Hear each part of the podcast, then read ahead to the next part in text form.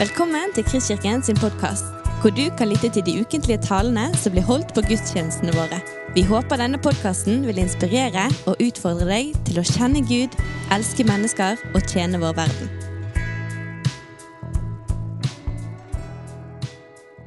God pinse, alle sammen. Du, det er Den hellige ånd, og det er pinse. og... Um, en av de tingene som uh, gjør for oss, det er at han åpner ordet for oss. Jeg kom over en artig videosnutt i går om, uh, om det å åpne ordet. Kanskje noen av oss syns det kan være litt vanskelig av og til. Og, og, og da kan vi trenge Den hellige ånd. Uh, eller Helpdesk, som vi skal se. Og Det kommer en liten videosnutt her. Broder eh, Alsar? Ja, der er jeg. Ja, så bra. ok. Ja, hei du. Hei du. Ja. Ja, hva gjør du? Eh, ja, det var den her. Ja, plutselig. Ja. Jaha. Ja, så den, har ikke gjort noen ting hele formiddagen. Nei, jeg beklager at jeg tar inn, og så skjønner vi han må leve om det er helt lyst til å se hva skal alle ha gitt på en gang. Ja. Eh, så kommer ikke øynene, eller? Nei, den ligger der. Kan du forsøke å åpne den? Men åpne den, altså Hvis det hadde vært så enkelt, hadde jeg jo ikke tilkalt helpdesk. hadde jeg vel? Nei, Nei. Nei. Du har lyst på en gang? Nei, det var det. Ja. Eh, Du bare gjør Der. Sånn. Ja, da er vi i gang. Ja, så langt kom jeg også. Ok. Ikke sant? Men, men, men så stoppet det opp, og så var jeg redd for at noe av teksten skulle forsvinne. Så jeg turte å gå videre. Oh, ja, okay. Ja, men så her, mm. så ligger det kanskje flere hundre sider med lagret tekst. Mm. Så for å komme videre, så tar du tak i et av ett ark Mm. måten her. Og så, så blar du over på neste side. Da fortsetter teksten her. Det blar, altså. Du blar. Men, eh, men er tilbake da. Ja, Da bare blar du tilbake igjen Der. Så er tilbake til den teksten. Ok, så slutter der, og så så fortsetter den der.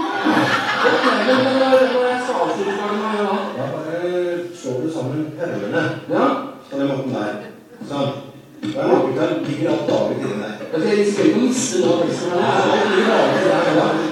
skal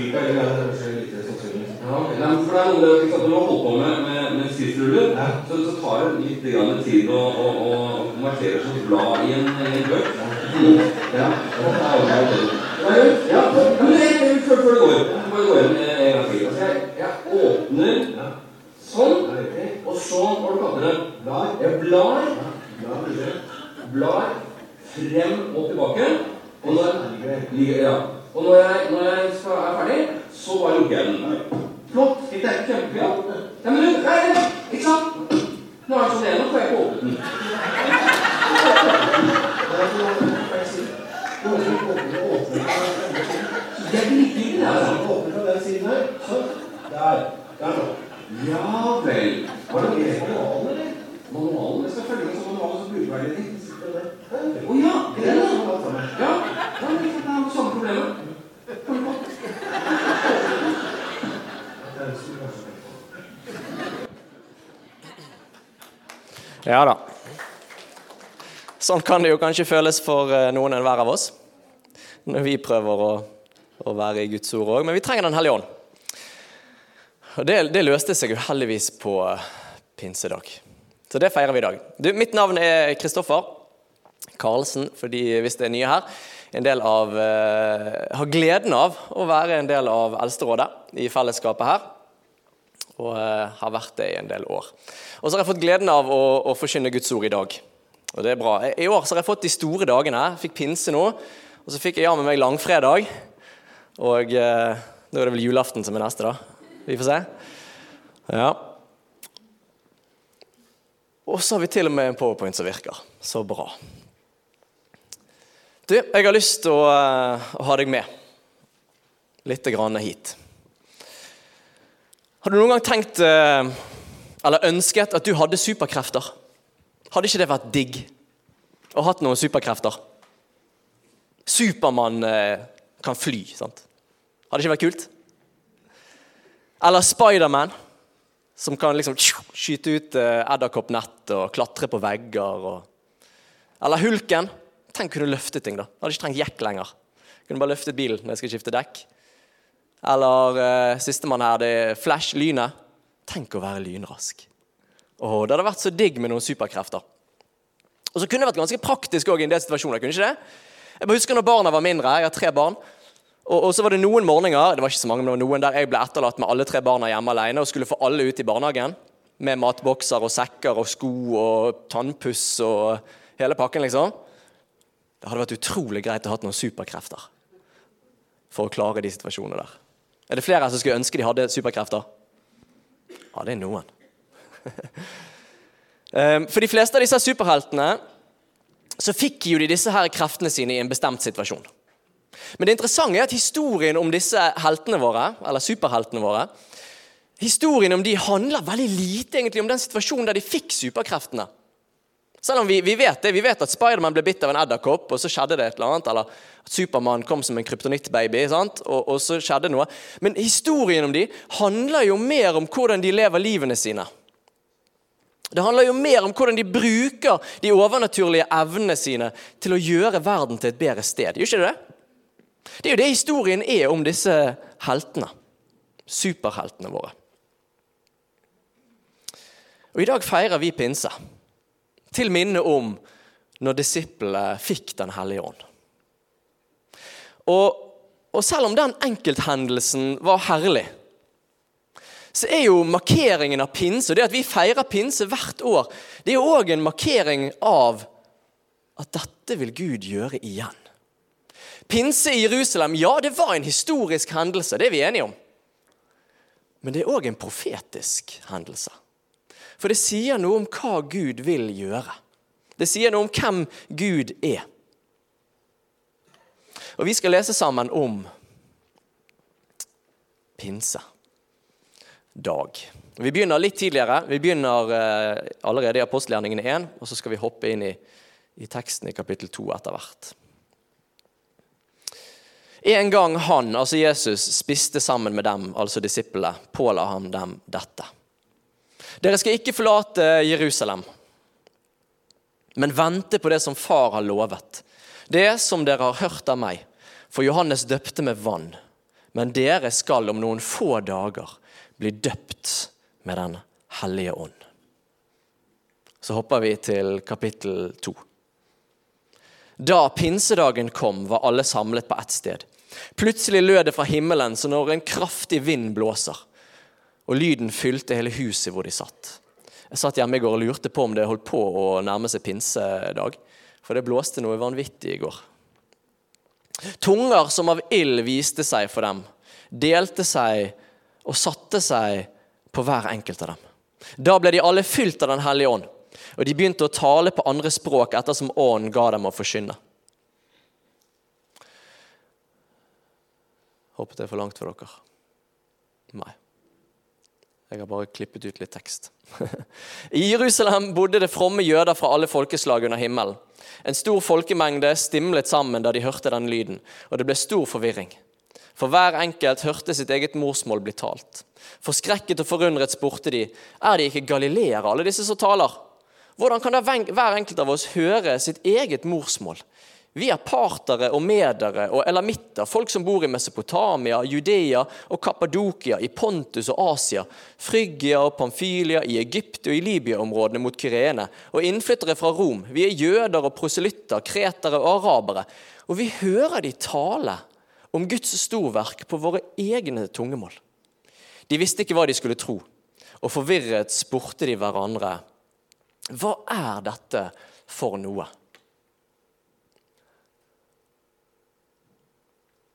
Der har vi den siste. Men noen gjorde narr av dem og sa, de har drukket seg fulle på søt vin. Så her er vi da, på pinsedag i Kristkirken i Bergen. Og akkurat i dag så har jeg lyst til å oppmuntre dere. Er du klar for å bli oppmuntret? Ja. Tre stykker er klar for å bli oppmuntret. Å, så bra. Jeg har lyst til å oppmuntre oss i dag til å, å, å ivrig å søke den opplevelsen som vi leser om i dagens tekst. Ivrig søker det som John Wesley kalte 'the second blessing of grace'. Og Jeg har lyst i dag å snakke med deg under overskriften 'Dåpen i Den hellige ånd'. Kraften som får oss til å ligne på Jesus. Er du klar for det? Så Gud, vi gir denne stunden til deg nå, Gud. Og Vi ber at du med din ånd må være over oss nå og gjøre ordet levende for oss. La ditt ord få virke i oss, sånn at vi får ligne på deg, Jesus. Kom med din ånd i dag, Gud, og fyll oss opp, så vi kan leve de livene som du har tenkt vi skal leve. Amen. Du, Hvis vi hopper litt tilbake inn til teksten som vi er i, så, så blir de anklaget for å være fulle. Og Peter han kjenner et behov med en gang for å avkrefte det, så han reiser seg opp og så begynner han å si slapp av, folkens, det er ingen her som er full. Iallfall ikke på vin. Og så begynner han å fortelle. Og Han begynner med Joel-profetien. Profetien fra Joel kapittel 3. Så begynner han å forklare disse som sitter og ser på eller står og hører, eller hva de gjorde. Forklare hva de opplever. Og Så sier han i Joel kapittel 3 så står det dette. At i de siste dager, sier Gud, da skal jeg øse ut min ånd over alle mennesker. Og Videre så fortsetter Peter å tale. Så peker han på Jesus, og så peker han på Jesu verk på korset. Og så sier han igjen til dem i vers 33. Han, Jesus, ble opphøyet til Guds høyre hånd og mottok fra sin far Den hellige ånd som var lovet oss. Og den har han nå øst ut, slik dere ser og hører. Så begynner folkemengden å kjenne at det stikker i brystet på dem. Her, her må de gjøre noe. Så de begynner å, å rope ut til Peter. Hva skal vi gjøre nå? Og Så sier Peter til dem i vers 38 dere må vende om. Og så må dere la dere døpe i vann i Jesu Kristi navn, hver og en av dere, så dere kan få tilgivelse for syndene. Og så skal dere få Den hellige ånds gave.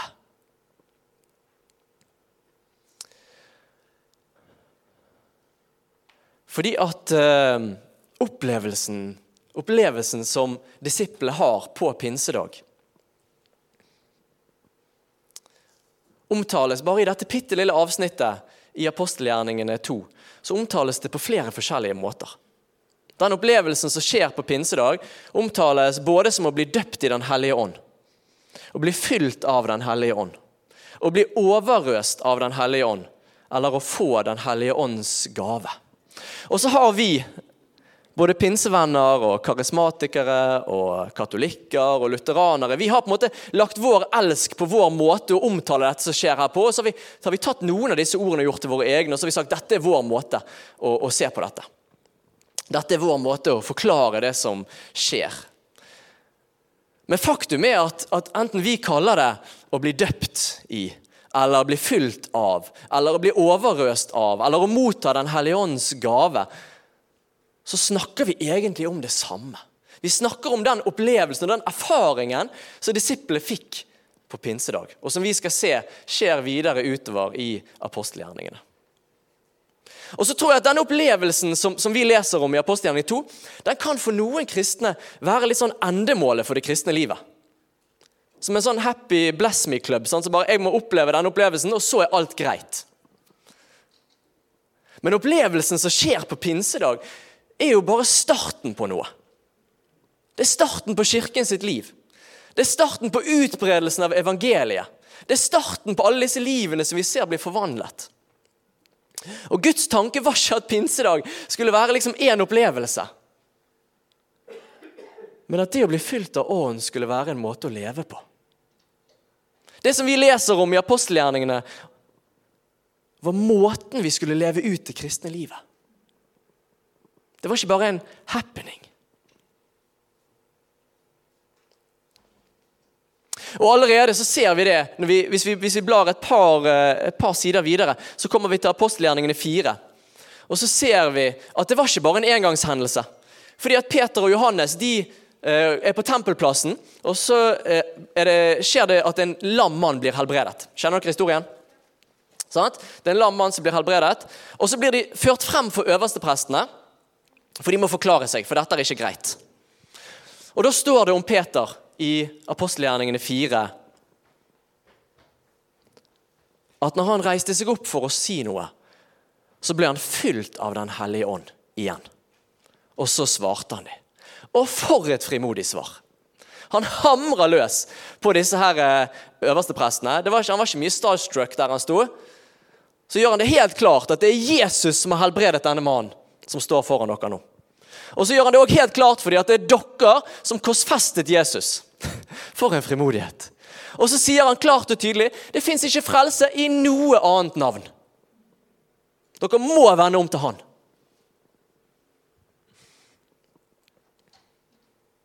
Så blir de løslatt. Og så løper Peter og Johannes tilbake til denne gjengen som hadde vært sammen på pinsedag, på Øvre sal. Alle disse som hadde opplevd åndsfylden der. Og så bestemmer de seg for når de kommer sammen for at vi må takke Gud og vi må be til Gud. Og Så står det videre i apostelgjerningene 4.31 at da de hadde bedt, skalv stedet der de var samlet. Det har vært nå. Og De ble alle fylt av Den hellige ånd og talte Guds ord med frimodighet. Så ser du at det var ikke bare en enkel hendelse, men det skjer igjen og igjen og igjen. At de blir fylt av Den hellige ånd. Og Resultatet av denne fylden det var ikke det at de bare fikk en frysning på ryggen, og så klappet de og, og jublet litt. Men vi ser at det, det, får noe å si for livene deres. Resultatet akkurat her er at en lam mann begynner å gå igjen. Resultatet her er at Peter forkynner evangeliet med en frimodighet som han aldri har hatt før. Så hva er da egentlig tegnet på at vi har opplevd dåpen i Den hellige ånd? Hvordan ser det egentlig ut? Jo, det første vi ser, det er etter pinsedag i apostlenes gjerninger, gjerninger så har disiplene fått en helt ny frimodighet. En helt ny måte å leve på. Og de har fått et intenst behov for å vitne om Jesus. Når Peter og Johannes blir arrestert og står foran rådet, så sier de vi kan ikke la være å tale om det vi har sett og hørt. Vi er bare nødt til å fortelle. Så det har skjedd noe med dem når de har blitt fylt av ånd. Det andre vi ser umiddelbart i apostelgjerningene etter dåpen i Den hellige ånd, er at alle de troende umiddelbart får en sterk enhet mellom seg. Og Vi ser det at det er en kjærlighet til de andre søsknene som fører til en vanvittig giverglede. Det er det andre sånn resultatet som vi ser. I apostelgjerningene 4.32 alle de troende var ett i hjerte og sinn. Og ingen regnet det de eide for sitt eget. De hadde alt felles. Og Det står om hvordan de kom og la frem tingene sine, sånn at, at de som led, skulle ha nok. De delte på alt. Så når vi blir fylt av ånd, hvordan vet vi at vi har opplevd det? Jo, det skjer noe med at mine ting er ikke mine ting lenger. Og jeg lever ikke for meg, men jeg lever for oss. Og perspektivet flyttes utover. Videre utover i apostelgjerningene så ser vi at mirakler, tegn og under kommer tettere og tettere og tettere. Det skjer helbredelser. Folk blir satt fri fra onde ånder. Og de profetiske ordene hagler. Og I mange av situasjonene hvor folk blir døpt i Den hellige ånd, så ser vi òg at tungetale følger med som ett av tegnene. Akkurat sånn som det også skjer på pinsedag i Jerusalem. Men hvis vi, hvis vi litt grovt sett deler inn virkningene av dåp i Den hellige ånd, eller fylden av Den hellige ånd, eller overøselsen av Den hellige ånd, eller det å motta Den hellige ånds gave Hvis vi litt grovt deler det i to kategorier, så kan vi tenke på det som en due. Når Jesus blir døpt, og når Jesus får Den hellige ånd, så kommer det en due nedover han. Er dere med på historien? Og, og alle duer har to vinger. Og Uten to vinger så vil ikke en due klare å fly i balanse og være i balanse. Og Det er to sånne områder som jeg har lyst til å løfte fram, som jeg syns er veldig tydelig når man blir fylt av Den hellige ånd. Og, og I en del i kristne settinger så i kristne tradisjoner så har man nok dessverre vektlagt i, i, noen tradisjoner og noen sammenhenger den ene siden, den ene vingen av duen, mens i andre tradisjoner vektlagt den andre vingen. Um, mens jeg tror jeg må si at, at kanskje min største, min største, drøm for oss i Kristkirken det er at vi skal være preget av begge disse to som jeg forteller om nå. At vi skal få, ha, vi skal få være en due i balanse.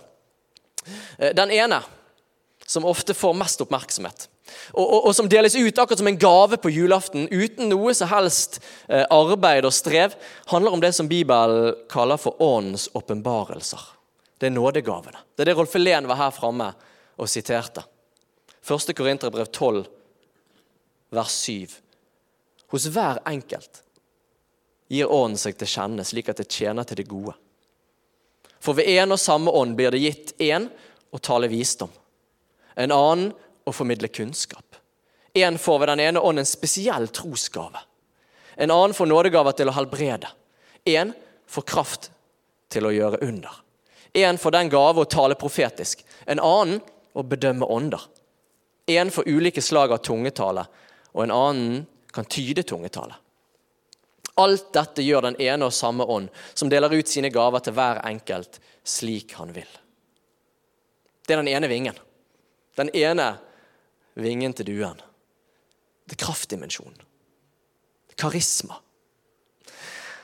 Og Paulus utfordrer oss som kristne på å være ivrig etter å søke disse gavene. Og ville ha dem. På onsdag var jeg på bønnemøte. Fantastisk å være på bønnemøte med den onsdagsgjengen. Og der, vet du, der prøver folk ut gavene. Å, hvor de tester ut det profetiske. Det var vanvittig spennende å være med. Kjempebra arena for å prøve ut gavene. Det samme i husfellesskapene. I en litt mindre gruppe. Det kan være tøft å tørre å prøve ut gavene, iallfall fra scenen, i en større menighetssammenheng, men i et husfellesskap Det å tørre der. Det å prøve seg fram. Den andre vingen, som vi ser at duen har, som gjør at den flyr i balanse, og som vi ser som en virkning når folk blir fylt av Den hellige ånd, den er litt mindre spektakulær. Og det tar litt mer tid å vokse fram. For da snakker vi om frukter av å leve fylt av ånd. Galaterbrevet 5,22. Men åndens frukter Dette er frukter av å være fylt av Den hellige ånd. Åndens frukt er kjærlighet, glede, fred, overbærenhet, vennlighet, godhet, trofasthet, ydmykhet, selvbeherskelse. Og Vi ser det at når Den hellige ånd får fylle, så vokser karakteren på plass og så vokser karismaen på plass. Og vi trenger begge deler. Og vi trenger ivrig å søke begge deler. Og Hvis vi lengter etter å leve et liv der vi ligner på Jesus, og der omstendighetene rundt oss får et blikk av Han når de ser på oss, så trenger vi begge vingene.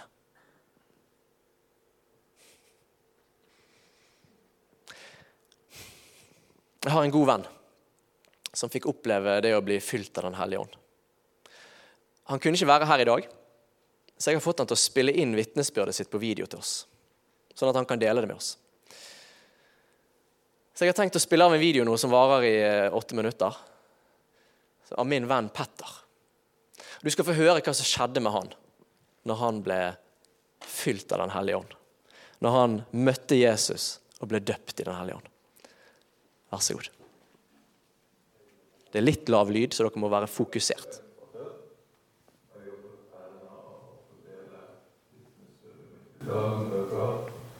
Jeg eh, var nettopp i Bergen, og hadde vært der i dag, så hadde jeg selvfølgelig vært der. Men Kristoffer han eh, spurte om jeg kunne ta vitnesbyrdet på film, så da ville jeg veldig gjerne gjøre det.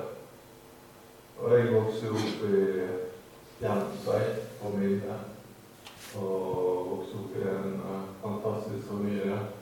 Min mor er jo Karin som dere kjenner. Og jeg har hatt en fantastisk oppvekst. Og gikk på skole og hadde normalt uh, liv, kan man si. Um, når jeg ble i rundt 13-årsalderen så, så begynte jeg å prøve litt ting, som alkohol og sånne ting. Og min far han hadde jo kreft på den tiden. Og døde rett før jeg, jeg skulle konfirmeres. Og det var jo tøft, selvfølgelig. Og eh, møtte i den tiden så møtte jeg eh, en del eldre folk som jeg ble venner med, og jeg syns jo det var veldig kult å henge med de, selvfølgelig. De holdt på med litt forskjellige ting.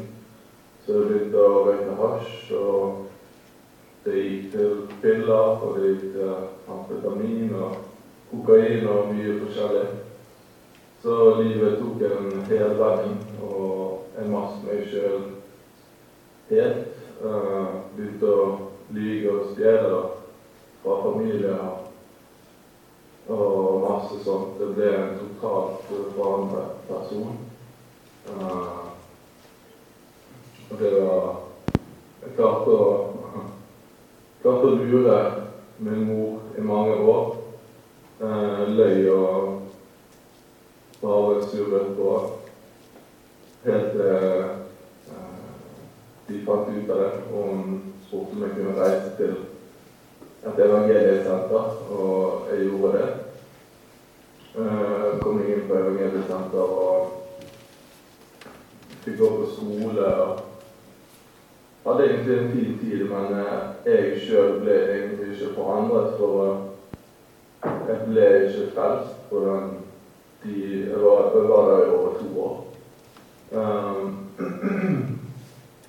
og så når jeg kom ut igjen derfra, så så ble det bare mye verre, rett og slett. Jeg uh, hadde masse angst og var inne i depresjoner og ruste meg masse. Jeg klarte ikke å fungere uten å spise piller. Og ja Eh, Det viktigste jeg har lyst til å fortelle, selvfølgelig, det er når jeg møtte Jesus. Og rett før jeg, jeg kom meg ut, så var det så ille i livet at jeg på en måte hadde gitt helt opp. da, og Uh, det var liksom ikke noe håp nå lenger. Og hadde gitt fullstendig opp og ga blaffen i meg sjøl. Og det var jo veldig farlig. Så akkurat i den tiden der så var det en bønnegruppe i Kristkirken som uh, fikk at kom til å be for meg. For det var alvorlig. Og det gjorde de. Og jeg fikk komme i kontakt med de. Uh, eh, gjennom min mor. da, Og så snakket jeg med de, og de fortalte det som. Og jeg kjente at eh, alt det som de sa. Og det var Daniel Melgården som ringte til eh, svogeren sin.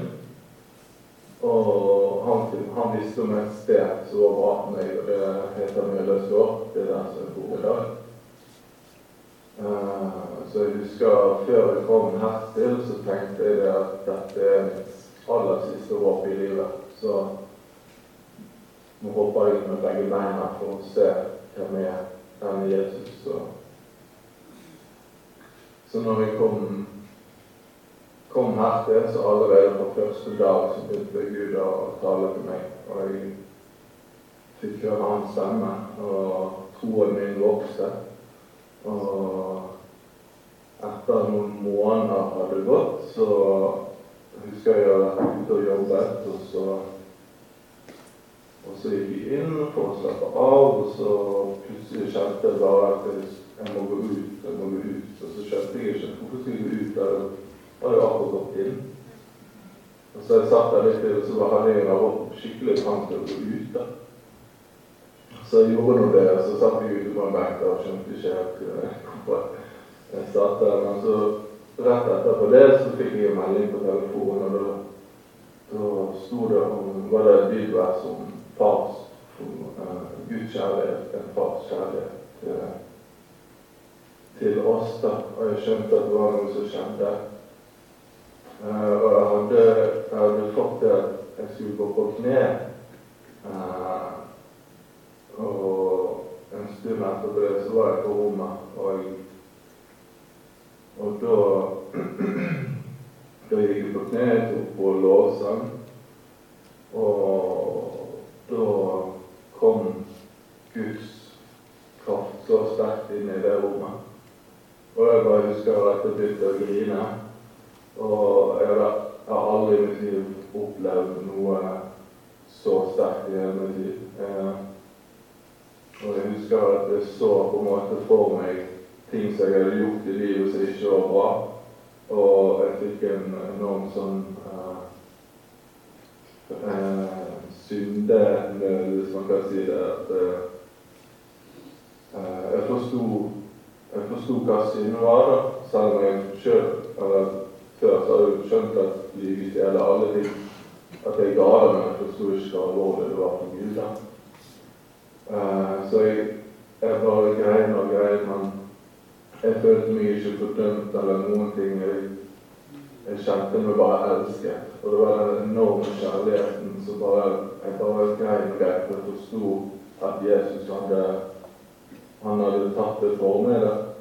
Og jeg satt der lenge og grein og grein. Og det var en fantastisk opplevelse. Uh, så fra den dagen av så var jeg forandret. Uh, han forandret meg, og det var han som, han som gjorde det verket. Det, jeg er så ufattelig heldig som har fått komme her til og fått et nytt liv sammen med Jesus. Og det har skjedd så mange bra ting. Jeg har, jeg har fått lov til å bli gjenopprettet jeg tenkte jo før at jeg ikke var til bruk til noen ting og ikke kunne noen ting. Og jeg har fått lov til å begynne å jobbe og gjøre masse ting, hjelpe mennesker. og Det har vært en helt utrolig reise. og Nå skal jeg gifte meg snart med han Marell som sitter og filmer. Så Gud har bare vært så god, så nådig.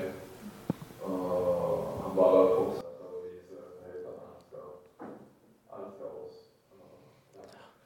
Ja, vi skal uh, la det feide ut der. ikke det fantastisk? Oi, oi, oi.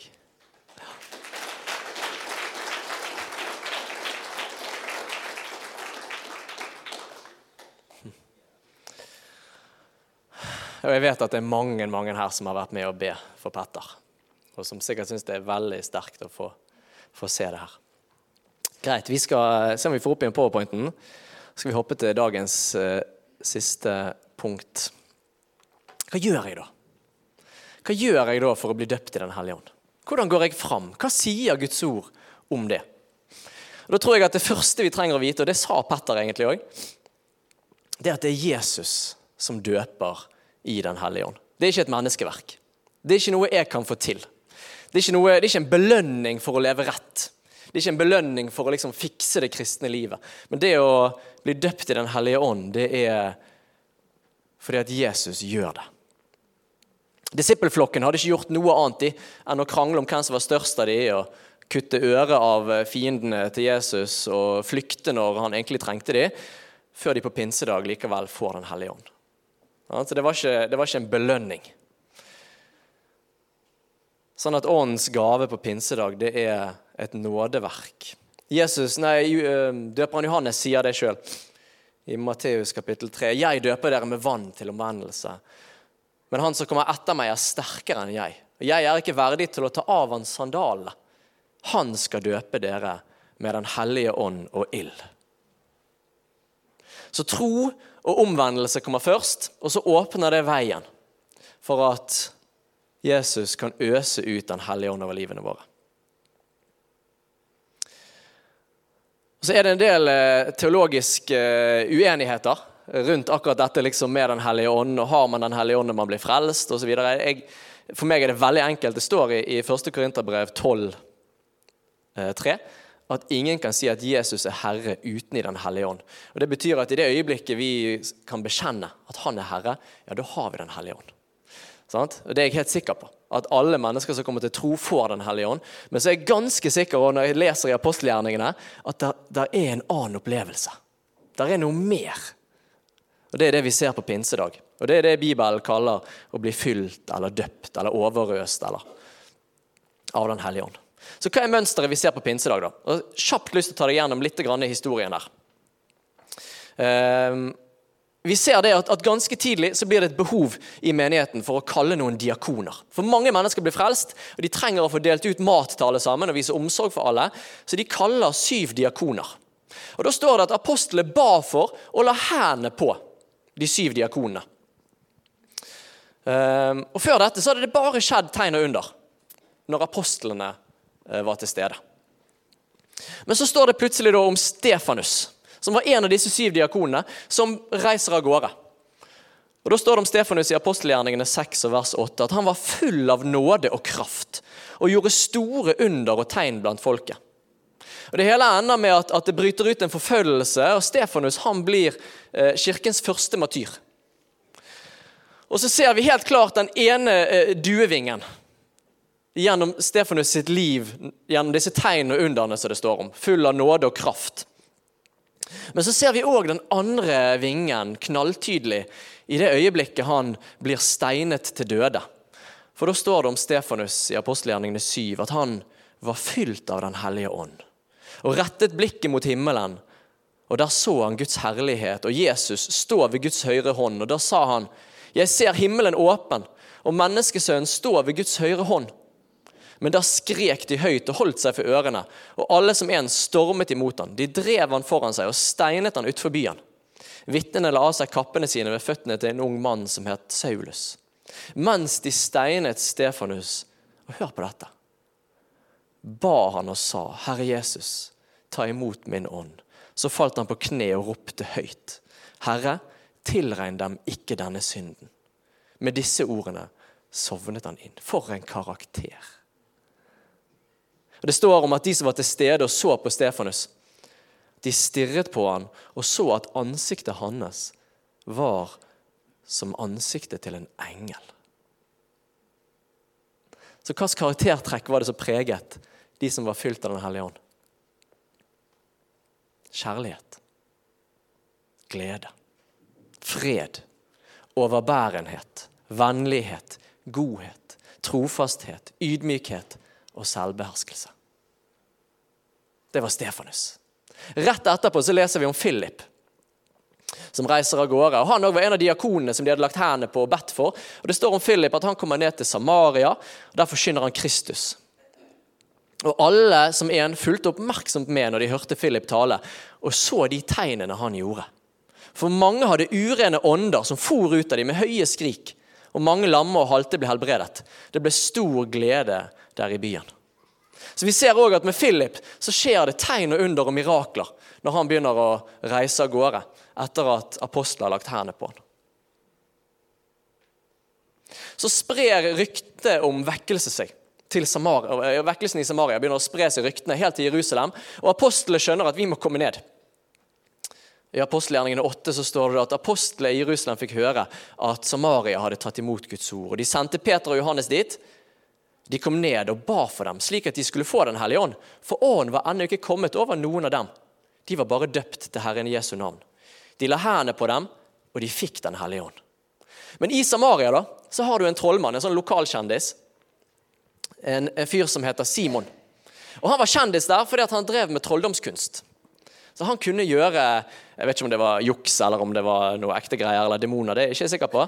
Men Simon han skjønner tegningen når han ser apostlene komme og legge hendene på disse, og de får Den hellige ånd. Men da Simon så at ånden ble gitt ved at apostlene la hendene på dem, tilbød han dem penger og sa, Gi meg også en slik makt, så den jeg legger hendene på, kan få Den hellige ånd. Og så blir han blankt avvist, heldigvis. da. Det går ikke an å kjøpe for penger. Men det er faktisk sånn at det tydeligste mønsteret vi ser i apostelgjerningene, når det kommer til hvordan blir folk fylt av Den hellige ånd, så er det ved håndspåleggelse og forbønn. Det er fire klare eksempler i apostelgjerningene der, der dette skjer. Og Så har vi ett eksempel der det skjer i en litt annen rekkefølge. Og Her tror jeg ikke at Gud er veldig opptatt av rekkefølge, først og fremst. Men vi ser et, et annet tilfelle der, der, det er ingen som blir lagt hendene på. Det er når Peter taler til hedningene i Kornelius sitt hus. For Da står det at Peter han bare forkynner Guds ord. Og mens han forkynner Guds ord, og de sitter og lytter, så faller Den hellige ånd på dem. Og De folkene var ikke engang døpt, så det første som skjer da, er at de må døpe dem i vann i tillegg. Sånn at Rekkefølgen ikke alltid den samme. Men jeg lærte på bibelskolen når jeg hadde Rolf Helén som lærer, at vi har en Jesuspakke. Og hele pakken må på plass for at vi skal kunne fungere og leve og ligne på Jesus. Og det handler om tro og omvendelse. Det begynner der. Dåpen i vann. Forbønn med håndspåleggelse. Så bli fylt av Den hellige ånd. Sånn at nådegavene kommer i funksjon. Og åndens frukt begynner å vokse. Det er Jesuspakken. Det vil Gud gi oss i livene våre. Så hva gjør jeg da? Hvordan går jeg frem for å bli døpt av Den hellige ånd? Jo, søk Jesus. Han er den som døper. Søk Jesus i ordet. Søk Jesus i bønn. Kom frem for han og be han om å døpe deg i Den hellige ånd. Be han om å fylle deg med Den hellige ånd. Og bli bedt for. Igjen og igjen og igjen og igjen. Få folk som har Den hellige ånd, til å legge hendene på deg og be for deg. Det er mønsteret vi ser i apostelgjerningene. Vi skal prøve å lande etter hvert. Så lovsangsteamet kan få lov å komme opp. Jeg har bedt de om å hjelpe oss med en sang. Eh, vi innledet vi med å snakke om eh, superhelter. Og hvordan veldig lite av historiene til superheltene handler om hvordan de fikk utrustningen sin, mens veldig mye handler om hvordan de levde ut livet. Hvordan de brukte utrustningen. Og Da er vi tilbake igjen akkurat der som vi kan se på teksten òg. Vi er tilbake i Jerusalem. Vi er tilbake på pinsedag. Når Jesus sier dette rett før han blir tatt opp til himmelen. Dere skal få kraft når Den hellige ånd kommer over dere. Og dere skal være mine vitner i Jerusalem og i hele Judea, i Samaria og helt til jordens ende. Så hovedpoenget med dåpen i Den hellige ånd Hovedpoenget med pinsedag og det å bli fylt av ånd, er at Den hellige ånds kraft skal hjelpe oss å ligne på Jesus. Den hellige ånd skal få forme livene våre, sånn at vi ligner på Han, både i tegn og under og mirakler som vi leser om i Bibelen, men òg gjennom at vi lever annerledes liv. Tenk på Stefanus. Og så har jeg tenkt det at I dag ville det vært veldig veldig unaturlig å avslutte gudstjenesten uten å invitere til forbønn. Sånn, pinsedag det er dagen der vi definitivt inviterer.